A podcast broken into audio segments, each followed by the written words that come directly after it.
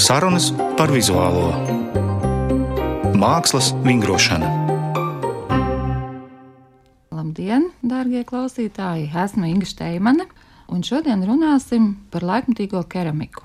Studijā esmu aicinājusi divus mākslas pasaulē labi zināmus cilvēkus, kuri ir cieši saistīti ar keramiku. Un tas ir Mārcis Čačka, Daugopils Marka Rotko mākslas centra vadītājs un, starp citu, arī pedagoģijas doktors. Un tas ir mākslinieks Kaspars Geiduks, jauns mākslinieks, taču ir guvis jau 2018. gadā Martinsona balvas bronzas godalgu keramikas bienālē un konkursu izstādē, un kā arī ir nākošās bienāles, 21. gada bienāles žūrijā.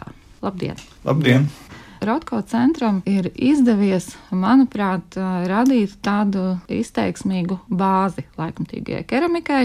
Tas, protams, notiek ar keramikas bienāles starpniecību un arī ar daudzām izstādēm, ko jūs organizējat. Mūsu raidījuma tēma būs ne vienkārši laikmatīgā keramika, bet varbūt tādi izaicinājumi, ko laikmatīgā māksla met keramikai un ko keramika met laikmatīgajai mākslai, kā jūtas laikmatīgā keramika plašākā laikmatīgās mākslas kontekstā. 2019. gadā Rotko centrā jums bija burvīga izstāde pamati, kas bija veltīta Baltijas valstu laikmatīgajai keramikai. Un tur cita starpā kataloga ievadā bija šādi vārdi - liels apsolījums laikmatīgajai keramikai. Pēdējā laikā pasaulē arvien biežāk tiek runāts par keramikas renesansi, keramikas medijas arvien biežāk tiek pamanīts un prezentēts kā līdzvērtīgs citām mākslas nozarēm. To laikmatīgajās izpausmēs. Keramika tiek nosaukta gan par jauno video, Tātad tas ir 2019. gads, gan par desmitgades garšu, un tad tālāk paši keramiķi turpina, ka taču bažas rada iespējamā krīze, kas negaidīti rodas uzreiz pēc tik sengaidītās atzīšanas. Savukārt šīs vasaras nogalē tika nominēti Purvīša balvas otrā ceturkšņa nominanti, un daudziem par lielu sašutumu tajā sarakstā nebija. Skuja Bradena izstāde un nokļuva tur trešā ceturksnī. Māri, kā tev šķiet, vai laikmatīgajai keramikai ir stabila vieta plašākā laikmatīgās mākslas kontekstā, vai tomēr ir jācīnās par šo vietu? Vispirms, keramikas vieta ir plaši pieņemta un atzīta pasaulē. Latvijā viņa ir ienākusi netik sen, un tas ir pateicoties arī mūsu Rotko centra darbam. Un patiesībā aiz jebkura panākuma ir cilvēks. Un šajā gadījumā ir jāpiemina mans kolēģis un keramiķis Valentīns Pēcko, kurš arī Latvijas laikmatīgā keramikas centra vadītājs un kurš ir izstāžu kurators Rotko centrā. Un, protams, otra sakritība ir Pēteris Martinsons, kurš ir Daugopilī piedzimis. Man bija tas prieks un gods ar viņu 2012. gadā intensīvāk un vēl intensīvāk satikties diezgan bieži, ik caur divām nedēļām, lai 13. gadā, atverot Rotko centru, mēs varētu parādīt Pētera Martinsona izstādi. Un tas viss rezultējās tālāk, tad, kad Pēters Martinsons aizgāja citā saulē. Tas pavērsās kā tāds mūsējais pienākums pret Pēteri, turpināt šo ceļu, ko viņš bija gājis 50 gadus, mainot šo keramikas ceļu Latvijā no tradicionālās keramikas, no izpratnes par podniecību un ko var keramikā vēl darīt, līdz tam, kā tas paralēli notiek pasaulē. Un viņš nesa to gaismu Latvijā un caur savu keramiku nesa Latvijas keramiku pasaulē. Un tā rezultātā viss notika, un arī šobrīd mēs varam teikt, ka Latvijas keramika ir ienākusi un pieminēja Skuja Brādena, ka viņi tika nominēti, bet pirmoreiz vēsturē keramiķis Dainis Pundurs, kas bija pirmās Latvijas keramikas bienāles uzvarētājs nacionālā nominācijā, viņš tika pirmo reizi kā keramiķis atzīts un nominēts Purvīšu balvai.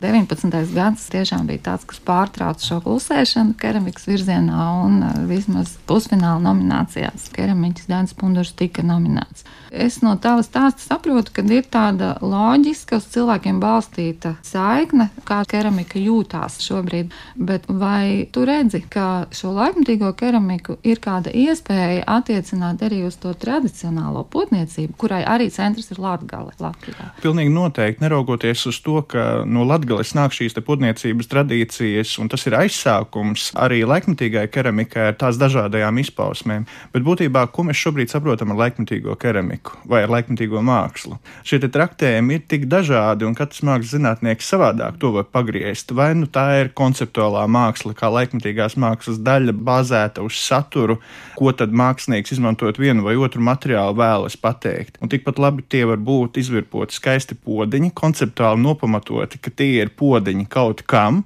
un tā būs laikmatīgā māksla, un pasaulē to pieņem. Bet tikpat labi tas var būt paņemta gatava forma, apgleznota, varbūt kaut kas iespiests pēkšņi, un tas ir atkal laikmetīgs. Un tas var būt svilpaunieks, kas bija kādreiz tradicionālais. Mm -hmm Un te ir atkal tā robeža starp keramiku kā materiālu, vai tā ir akmens masa, māls, porcelāns un to pielietojamību, vai nu keramika ir beigu beigās dizains, kā mhm. pielietojamais priekšmets, vai keramika ir kā vizuālās mākslas priekšmets, kā vērtība, uz kuru mēs skatāmies, kuru mēs vērtējam, kuru mēs analizējam, un kuru mēs varam analizēt tikpat labi kā stājmākslas darbu, kā glezniecību, kā grafiku. Faktiski tā ir arī telniecība. Jautāšu māksliniekam Kasparam. Rotko centrā jaunajā izstāžu sezonā ir tava izstāde elementi. Šajā izstādē ir gan keramika, gan arī video, kā materiāls izmantots. Kā tev šķiet, kāda ir keramikas tieši kā izteiksmes veida, kā materiāla vieta laikmatīgajā mākslā? Jā, par to vietu kopējā laikmatīgās mākslas kontekstā. Man jau liekas, ka iepriekš bija kaut kādā ziņā bija no keramiķiem tas diskurs, ka mēs īsti tā kā neesam tajā kopējā. Bet man liekas, tas ir vienkārši Uzskat, beidzies. Tas vienkārši... keramiķi, jā, vairāk norobežojās no laikmatīgās mākslas. Es domāju, ka uztverot... nedaudz. Varbūt jā. kādā mm ziņā bija šis viedoklis, ka mēs esam amatnieki un tā. Kas, protams, arī nav slikti. Nu, kā ir tagad, tavuprāt? Es domāju, ka ļoti labi, ka nav pamata vairs tam īsti. Varbūt vienīgais ir, kad vienmēr keramika iet caur to materiālu, un tad kopējā bildē tad ir tas materiāls, kas ir tik svarīgs pašiem keramiķiem, no kā tas izriet. To es tieši gribēju kā tādu izaicinājumu jautājumu uzdot, lasot Martinsona balvas trešās bienālas ietvaros notiekošās konkursas izstādes nolikumu. Tur ir teikts, ka, lai darbs atbilstu konkursu kritērijiem, ir jābūt 80% keramikas materiālu. Šeit parādās tas, ko tu varbūt sākumā minēji, ka pati keramika kaut kādā mērā arī sevi sargā no šīs materiāla izušanas. Un varbūt arī tas ir viens no iemesliem, kāpēc ir tādas saķeršanās ar plašāku laikmatīgās mākslas sēnu kad ir kaut kāds obligātams materiālam, jo es neesmu jutusi, ka, teiksim, kādā glezniecības konkursā tāds būtu norādījums, ka 80% jābūt glezniecībai vai telniecības konkursā. Bet tur, protams, ir citas tradīcijas. Jā, nu, mēs tikpat labi varam arī pieminēt, pieņemsim, stikla māksliniekus Jā. un tekstilu mākslinieki. Un varbūt tas ir no, drīzāk no vērtēšanas puses. Kā ir tavā jaunajā ekspozīcijā elementi? Cik procentu ir keramika? Cik procentu tur. Man liekas, ka eh, simtprocentīgi keramika ir Kaspara izstādē, kuru papildina tikai brīnišķīgas divas video projekcijas. Mm -hmm. Jo patiesībā tas māls un akmens masas, kas tev ir gan likstās, gan cilvēkos, un pēc tam brīnišķīgie šie īstie un neīstie galvas kausiņi no dažādiem dzīvniekiem, pēdējie tev bija no Austrālijas. Jā, Man bija Austrālijas. Tā kā tas ir viss dabīgs, un arī porcelāns ir dabīgi atlietas, izmantojot visas tehnoloģijas, un varbūt tās papildinot iedrošināt nodrošinot un runājot par šiem 80%, kas ir trešās keramikas bienāles nolikumā, mhm. līdzīgi tas arī bija iepriekšējās bienālēs. Tā jā, ir sava veida aizsardzība pret keramikas materiālu, pret šīm tradicionālo vērtību, bet laikmatīgā valodā ierakstīšanu. Mm -hmm. Jo mēs jau varam nonākt vienā mirklī līdz tādam rezultātam, ka tad jau mums ir vajadzīga tikai vispār vispārīga mākslas bienāle. Līdzīgi bija faktiski un ir ar Tallinas grafikas triennāles ir grafika, bet tie procenti ir tik mazi, ka faktiski tikpat labi to var nosaukt, kā mums ir riboka. Kā laikmetīga izpausmes forma, jebkura mēdīņa māksliniekam, kaut gan es domāju, diez vai tik viegli būtu keramikai iefiltrēties. Mm -hmm. Tā ir aizsardzība no mēdīņa valodas, skatoties. Un, nu, tikpat labi Tallinas grafikas trienāli var vienkārši būt mākslas trienāli. Tavā biogrāfijā, Kaspar, ir tāda detaļa, ka tu no interjeristiem kļuvi maģistra programmas līmenī par keramiķi. Kas noteica šo pievēršanos? Vai tiešām šī keramikas atmoda? Būtībā nē. Es atceros, ka jau kaut kad vidusskolā es gāju uz keramikas nodarbībām. Tas sākotnēji bija varbūt tradicionāli, jo gāju tautas lietiškās mākslas studijā Vāpe pie Helgas Melnbārdas. -huh. skundas. Un pēc tam beidzot universitātī, domāju, padziļināti pētīt keramiku un gāju uz mākslas akadēmiju. Māri, 21. gads, tātad nākošais, es saprotu, ir zīmīgs keramikas kontekstā, jo pandēmija par gadu ir pārcēlusi keramikas bienāli. Un tā notiks nākošais gads, kā arī jūs esat ceļā uz Pētera Martinsona galerijas, jeb keramikas mājas atvēršanu. Jā, tā ir. Sapņi pamazām piepildās, un runājot par Pētera Martinsona māju, tas bija vēl viens sapnis, kurš arī tappa drīz vien pēc Pētera aiziešanas. Jo vienā no reizēm, kad mēs kārtojām viņa izstādi, Pēters pienācis pie loga, tā skatījās, tā gan ir forša māja. Un bija tāds mirklis, kad mēs domājam, bet Pēters deva šo zīmi, kuru vajag izmantot. Un mums ir faktiski lielākā Pētera Martinsona 50 radošās daļradas mm. perioda kolekcija Rotko centrā. Un šobrīd tā ir jau vairāk kā 600 vienībās saskaitām. Un tad mēs ļoti ātri gājām uz Daugopils pilsētas domu, un tad caur mūsu pilsētas attīstības departamentu sākām strādāt pie koncepcijas. Skaidrs, ka mēs zinām, ko mēs gribam, bet priekš līdzekļu piesaistes bija jāuzraksta daudz plašāks šis mm. apraksts. Un šobrīd jau notiek rekonstrukcijas darbi. Un mēs ļoti ceram, ka vasarā jau mēs spēsim ēkā iet iekšā, lai tuvāk vasaras izskaņai varētu Pētera Martinsona ekspozīciju atvērt un piedāvāt skatītājiem. Ja apstākļi sakritīs un viss būs tā, kā mēs plānojam, varētu būt pat tā, ka Pētera Martinsona mājas atklāšanas laiks varētu sakrist ar trešās starptautiskās keramikas bienāles darba uzsākšanas laiku, kas ir sākot no 29. jūnija Izskatās, ka Biennāla būs vēl plašāk pārstāvēta, jo tā kā mums par gadu vajadzēja Biennāli pārcelt, tad mēs bijām pagarinājuši arī pieteikšanās iespēju, un bija vēl tāda iespēja, ka mākslinieks, kurš vēlējās radīt vēl citu darbu, tad mēs ņemam vērā otro pieteikumu, kas ir nākamais iesniegts. Kopumā mēs esam saņēmuši vairāk nekā 600 šos pieteikumus, no kuriem tiks atlasīti 100. Tas parāda interesi par keramikas mediju, interesi par Pētera Martinsona vārdā šo nosaukto keramikas balvu kas tiek pasniegta, un tā ir tāda vienīgā Baltijas valstīs, kā bienāles formāta un ar naudas balvām konkursa izstāde. Un tā kā mēs ceram, ka nākamā vasara būs keramikas zīmē ļoti zīmīga kā Latvijas reģionam, tā Austrum Eiropas reģionam ar šīm keramikas aktivitātēm. Valda Potkalne, Juta Rindina, Ilāna Romula, Elīna Titāne, Sanita Abelīta, Dainis Pundurs, Dainis Lesiņš, Jānis Kupčs, Inesta Brāns, Slavenie ķīpseles keramiķi, Līgas Kariņa un daudz citi. Kā ir ar viņu darbiem? Es saprotu, ka arī dekoratīvās mākslas un dizaina muzejs, sekojot savai sākotnējai ievirzēji, krāj šos darbus fondos. Kādi ir eh, Rotko centra plāni? Neraugoties uz to, ka Rotko centrs ir centrs, bet tomēr mēs veicam muzejam pielīdzinātās mm. funkcijas. Un viena no šīm funkcijām ir pētnieciskais darbs, jo mēs analizējam un veidojam katalogus, rakstam zinātniskās publikācijas par tiem mākslas darbiem un mākslas projektiem, kas pie mums notiek. Un otra nozīmīga lieta ir mūsu krājums. Un mūsu krājumā ir visu tikko nosaukto mākslinieku vārdi, Latvijas keramiķu mākslas darbi. Tā skaitā arī ķīpseles keramiķu darbi, kas ir pat lielākā skaitā, jo mūsu uzstādījums ir arī iespēja robežās atbalstīt, bet arī ķīpseles keramiķis bija tik dāsnas, ka viņas daudz arī ir dāvinājušas Rotko centrā. Līdz ar to, tad, kad vēl viens projekts noslēgsies blakus Pētera Martinsona mājai, mums būs atvērtie keramikas fondi tad 24 stundas diennaktī būs iespējams vēl daļu no šiem keramikas darbiem ieraudzīt arī tādā brīvā formātā, stikla lielās vitrīnās, vienā no, no mūsu kazemāta telpām.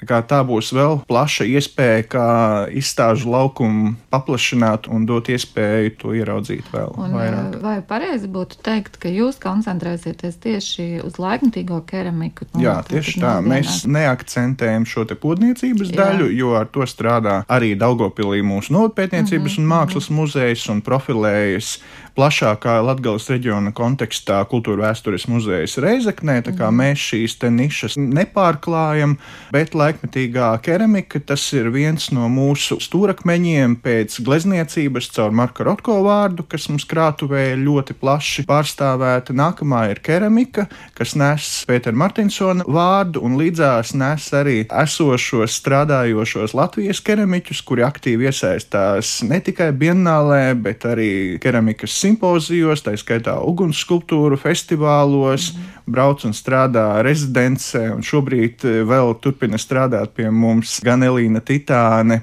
gan Ilona Romule, kas izmanto šo iespēju attālināti un koncentrēti padarboties konkrētā medijā. Ne tā, ka blakus ir iespēja tūlīt aizskriet uz māju, kas bieži vien izsit no līdzsvara mākslinieku, un tomēr Daugopils nav tik tālu, lai aizbrauktu. Tā kā šie procesi notiek, un vēl laba lieta, ka mēs esam ceļā uz krātuves izveidošanu, kas būs arī cietokšņa teritorijā. Tieši ēkas komplekss, nē, tas būs visai būs mākslē plašāk. kopumā, mm. jo tās krātuves telpas, kas mums šobrīd Rotko centrā ir pieejamas, pa septiņiem gadiem mums jau ir piepildītas pārpildītas, jo mēs esam atsevišķas telpas pārstruktūrizējuši un pārveidojuši par krātuves telpām, lai būtu iespējams visus darbus mhm. uzglabāt atbilstoši prasībām. Bet esam ceļā uz krātuvi jau. Cik liels ir šis mākslas darbu skaits, vienā noslēpums? Tie ir vairāki tūkstoši jau. Glezniecība mums sastāda ap 700 jau glezniecības vienībām. Keramika tikai Martinsons ir 600 pāri jau šobrīd. Mm. Un e, laikmetīgā pasaules keramika, kas līdzīgi kā glezniecība pārstāv katra gandrīz 50 pasaules valstis, un katram māksliniekam gandrīz ir vai nu grupa, vai viens vai divi darbi. Tā kā tas ir vēl plašs, apmēram ap 500 Tad mums ir, protams, tā kā tūlīt būs desmitais jau grafikas simpozijas, tad grafikas simpozijos vienmēr ir piedalījušies desmit mākslinieki, katrs atstāja vismaz divus novilkumus, tad arī mm. tas jau ir 200, 300 un atsevišķi grafikas mākslinieki arī dāvinājuši. Ir neliela fotografijas kolekcija un tekstila šķiedru mākslas kolekcija. Tā kā attīstība mums ir šajā un pētnieciskais lauks, lai to visu pēc tam apkopotu vēlreiz un veidotu kolekciju kolekcijas izstādes, tā bāze ir pietiekami liela, un to mēs arī veiksmīgi izmantojuši esam līdz šim. Un nākamais gads mums ir ļoti piepildīts, jo liela kolekcijas izstāde mums notiks Rīgas mākslas telpā jau no mm. februāra vidus. Tad liela kolekcijas izstāde mums būs no marta vidus Liepājas Cinterā, Es saprotu, tas ir plašāk ne tikai keramika, ja, jā, bet arī jā, citi no mākslas veidi. Jūs esat jau uzaudzējuši savu kolekciju tādā apmērā, ka varat piedāvāt skatītājiem ielūkoties. Nesen tapušas mākslas. Jā, un pavisam, pavisam jauns notikums no janvāra. Mēs Rotko sektorā, A sektorā atveram jaunu lielu izstāžu zāli, pārtransformējot un pārkoriģējot tā, kā mums bija līdz šim šis sektors pierasts Un tur turpmāk uz pusotru gadu būs no mūsu kolekcijas izstāde, ko varēs apmeklēt jebkurš cilvēks. Līdz ar to mūsu šī funkcija vēl pārvērtīsies un pozicionēsies, ka mēs rādam arī noteiktā periodā tos darbus, kas mums ir krātuvē, ka nevis krātuvē viņi vienkārši guļ vai glabājas vai deponējas uz kaut kādiem projektiem ārpusē, bet ka mēs šos darbus rādīsim labākos no labākajiem, ik pusotru gadu mainot pie sevis Rotko centrā.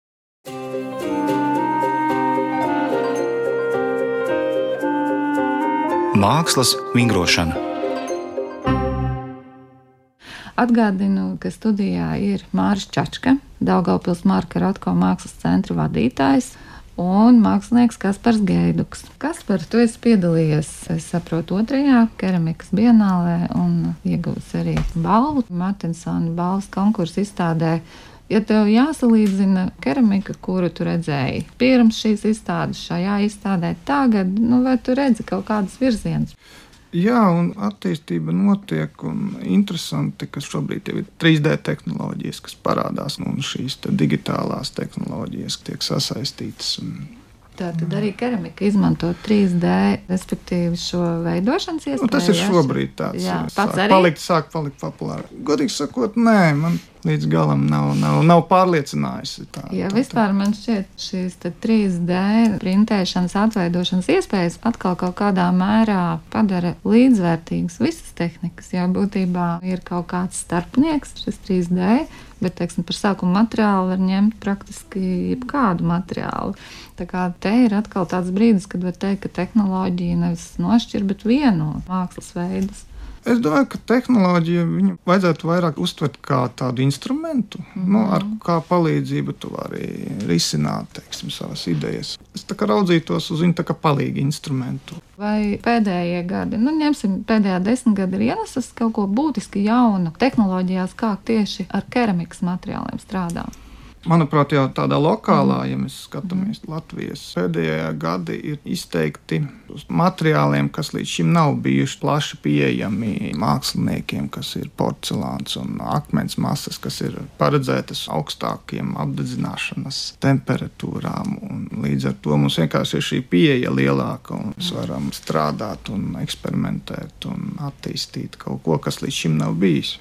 Māri, kā tev liekas no krājuma veidotāja viedokļa, ne tikai mākslinieckā vadītāja Rotko centrā, kā ietekmē tehnoloģijas, konkrēti keramikas materiālu, kāds tas paliek attīstoties tehnoloģijām un pievienojoties? Nu, pirmkārt, jau tās atvērtās robežas. Ja mēs atceramies Pēteru Martinsonu laiku, kad viņš bija gandrīz viens no nedaudzajiem, kas varēja aizbraukt uz Japānu, uz Ameriku, kaut vai uz Krievijas kaut kādu tālāko nostūri vai uz to pašu Kečkemetu, kas ir ļoti iemīļota keramiķiem kā rezidenču vieta vēl līdz šim brīdim, kā viens no lielākajiem keramikas centriem, uz kuru tiecas katrs vismaz keramiķis reizi mūžā aizbraukt.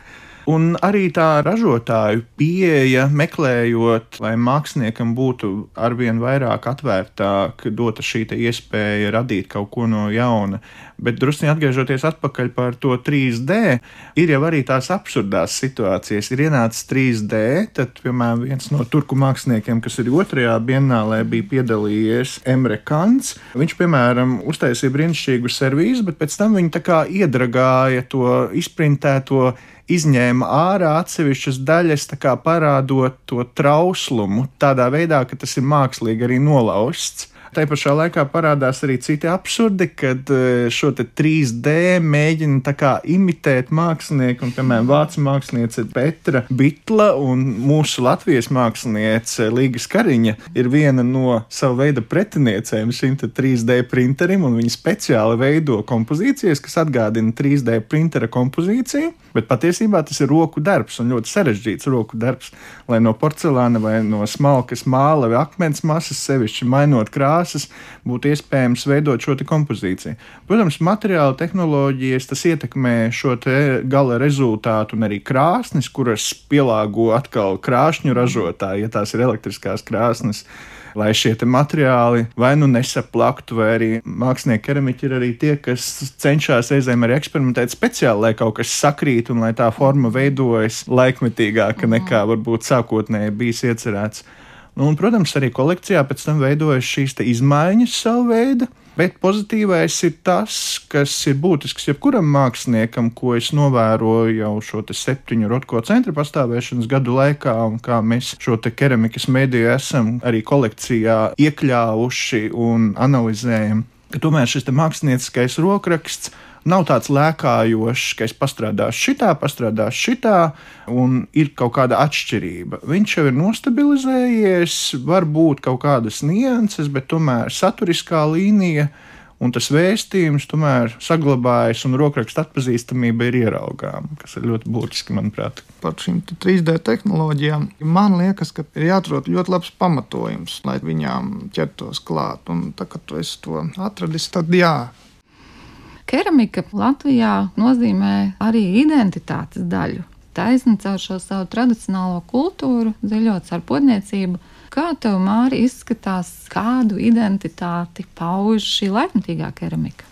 Nu, viens no brīnišķīgiem projektiem, ko veidoja netik sen Latvijas Mākslas akadēmijas profesori Keramiķa Līga Skariņa, bija skatāms Madonas nopētniecības un mākslas muzejā. Viņi bija veidojuši pētījumu kā reiz par dažādajām mālu masām, jeb šiem dažādajiem mālu toņiem, viņu struktūrām, kas ir raksturīgs konkrēti šim Madonas, Lubānas apvidus, un kā strādājot ar vienu, ar otru, ar trešu mālu ir iespējams iegūt vienu vai otru kompozīciju vai tonalitāti, kad viņš tiek izžāvēts, pēc tam apdedzināts vienā tehnoloģijā, citā tehnoloģijā. Tas ir tas, kur māksla šajā gadījumā savā veidā sasaucas ar zinātni, un manuprāt, tas ir ļoti vērtīgi Un tur ir izteikta tā laikmetīgās pētnieciskās daļas komponente, kas liek nu, ieraudzīt šo vēsturiski nozīmīgo materiālu, mālu, ko podniecībā izmanto un ko šobrīd podnieki izmanto. Un tas ir brīnišķīgi, ka mūsu meža parkā šobrīd gan attālināti var piedalīties gada tirgos un nopirkt sev vajadzīgās lietas arī Ziemassvētkiem. Tas, kas līdz šim ir bijis, šie lielie podniecības svētki, meža parka gada tirgū, tas ir brīnišķīgi, kad sanāk gan visi podnieki no malu malām, parādot šo atšķirīgo materiālu saķepi tajās krāsnīs, to podnieku darbnīcās, kur viņi strādā. Viņi satiekas kopā viens ar otru, kā savu veidu simpozijā. Un tā arī ir jau laikmetīgā izpausmes forma, neraugoties uz to, ka viņi runā par šīm senajām tradīcijām. Un, protams, tā ir saskara lieliski arī ar šo apmeklētāju, kurš vēlas sev nopirkt kādu priekšmetu nieku, kuram ir šī vēsturiskā, tehnoloģiskā vai tradicionālā forma, kas liek arī bērniem, mazbērniem, kas ir mājās, kur ierauga šo formu, atkal veidot tādu refleksiju par to, kā ir strādājuši kādreiz, un ka tas arī vēl notiek šodien amatniecība jau arī attīstās līdz ar šīm mm. tehnoloģijām un materiāli, kas mums tagad mm. ir mhm. pieejami. Līdz ar to arī šīs iespējas ir plašākas. Vai Latvijas keramiķi strādā ar Latvijā iegūtu materiālu? Protams, tas nav tikai mākslas, keramikas materiāls, ir arī šāmats un porcelāns. Tur ir daudz materiālu. Katram individuāli, man mm -hmm. liekas. Diezgan aktīvi darbojas lietuvieši, un viņi arī nu, rokšoti mālu. Latvijā šīs tradīcijas ir mazākas, kas ir piesaistītas jau ražotnēm. Jā kuras vēl ir saglabājušās un nodarbojas. Jā, lode, piemēram, arī lodes šos ķieģeļus bieži vien laikmatīgām formām jā. izmanto, un arī Pēters Martinsons to ir darījis savus mm. brīnišķīgos suņus veidojot. Ja mēs runājam par šo mālu kā izējas punktu, tad viņš ir paredzēts noteiktai temperatūrai, mm -hmm. bet mhm. tiklīdz kā mēs skatāmies Japānas vai Korejas mm -hmm. virzienā, kur ir citas tehnoloģijas, apdedzināšanas temperatūras ir augstākas, viņš vairs galīgi neatbilst. Un līdz ar to mēs, protams, pērkam materiālus, kas atļauj veikt attiecīgi šo tehnoloģisko uz darbību. Pēdējie gadi es strādāju pārsvarā ar porcelānu un akmens mm -hmm. masu, kas ir paredzēta augstākai temperatūrai.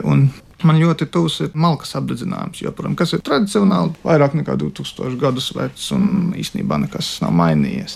Man vienmēr ir interesanti bijis Japāņu tehnoloģijas, kā viņas adaptējas Latvijas apstākļos, jo mēs izmantojam šādu malku, Japāņi izmanto tādu. Tad arī malkā ir vielas, kas reaģē attiecīgi mm -hmm. savādāk. Un līdz ar to man vienmēr licies, ka mēs taču varam pētīt, kas tad ir šim reģionam ir tāds, kas varētu būt īpaši, pieņemsim, britu keramiķu izmanto materiālus, kas ir viņiem apkārt. Līdz ar to viņš savā veidā ieliek to identitāti mhm. savā darbā. Saki, Mārtiņ, vai tik garš un būtībā tāds arhaisks process, kas neiztrūkstoši nāk līdz keramikai, vai tas kaut kā atšķir keramiku no citiem mākslas veidiem? Es domāju, ka viņi ir līdzvērtīgi un vienādi sarežģīti. Jo ir jau tik daudz piemēru, ka pēkšņi gleznotājs izdomā, ka viņš grib kaut ko veidot keramikā. Un sevišķi tas izpaužas laikmetīgajā mākslā, nu, kaut vai tas pats Kristians Brekte, kas ir veidojis instalācijas, kur izmanto keramikas materiālus.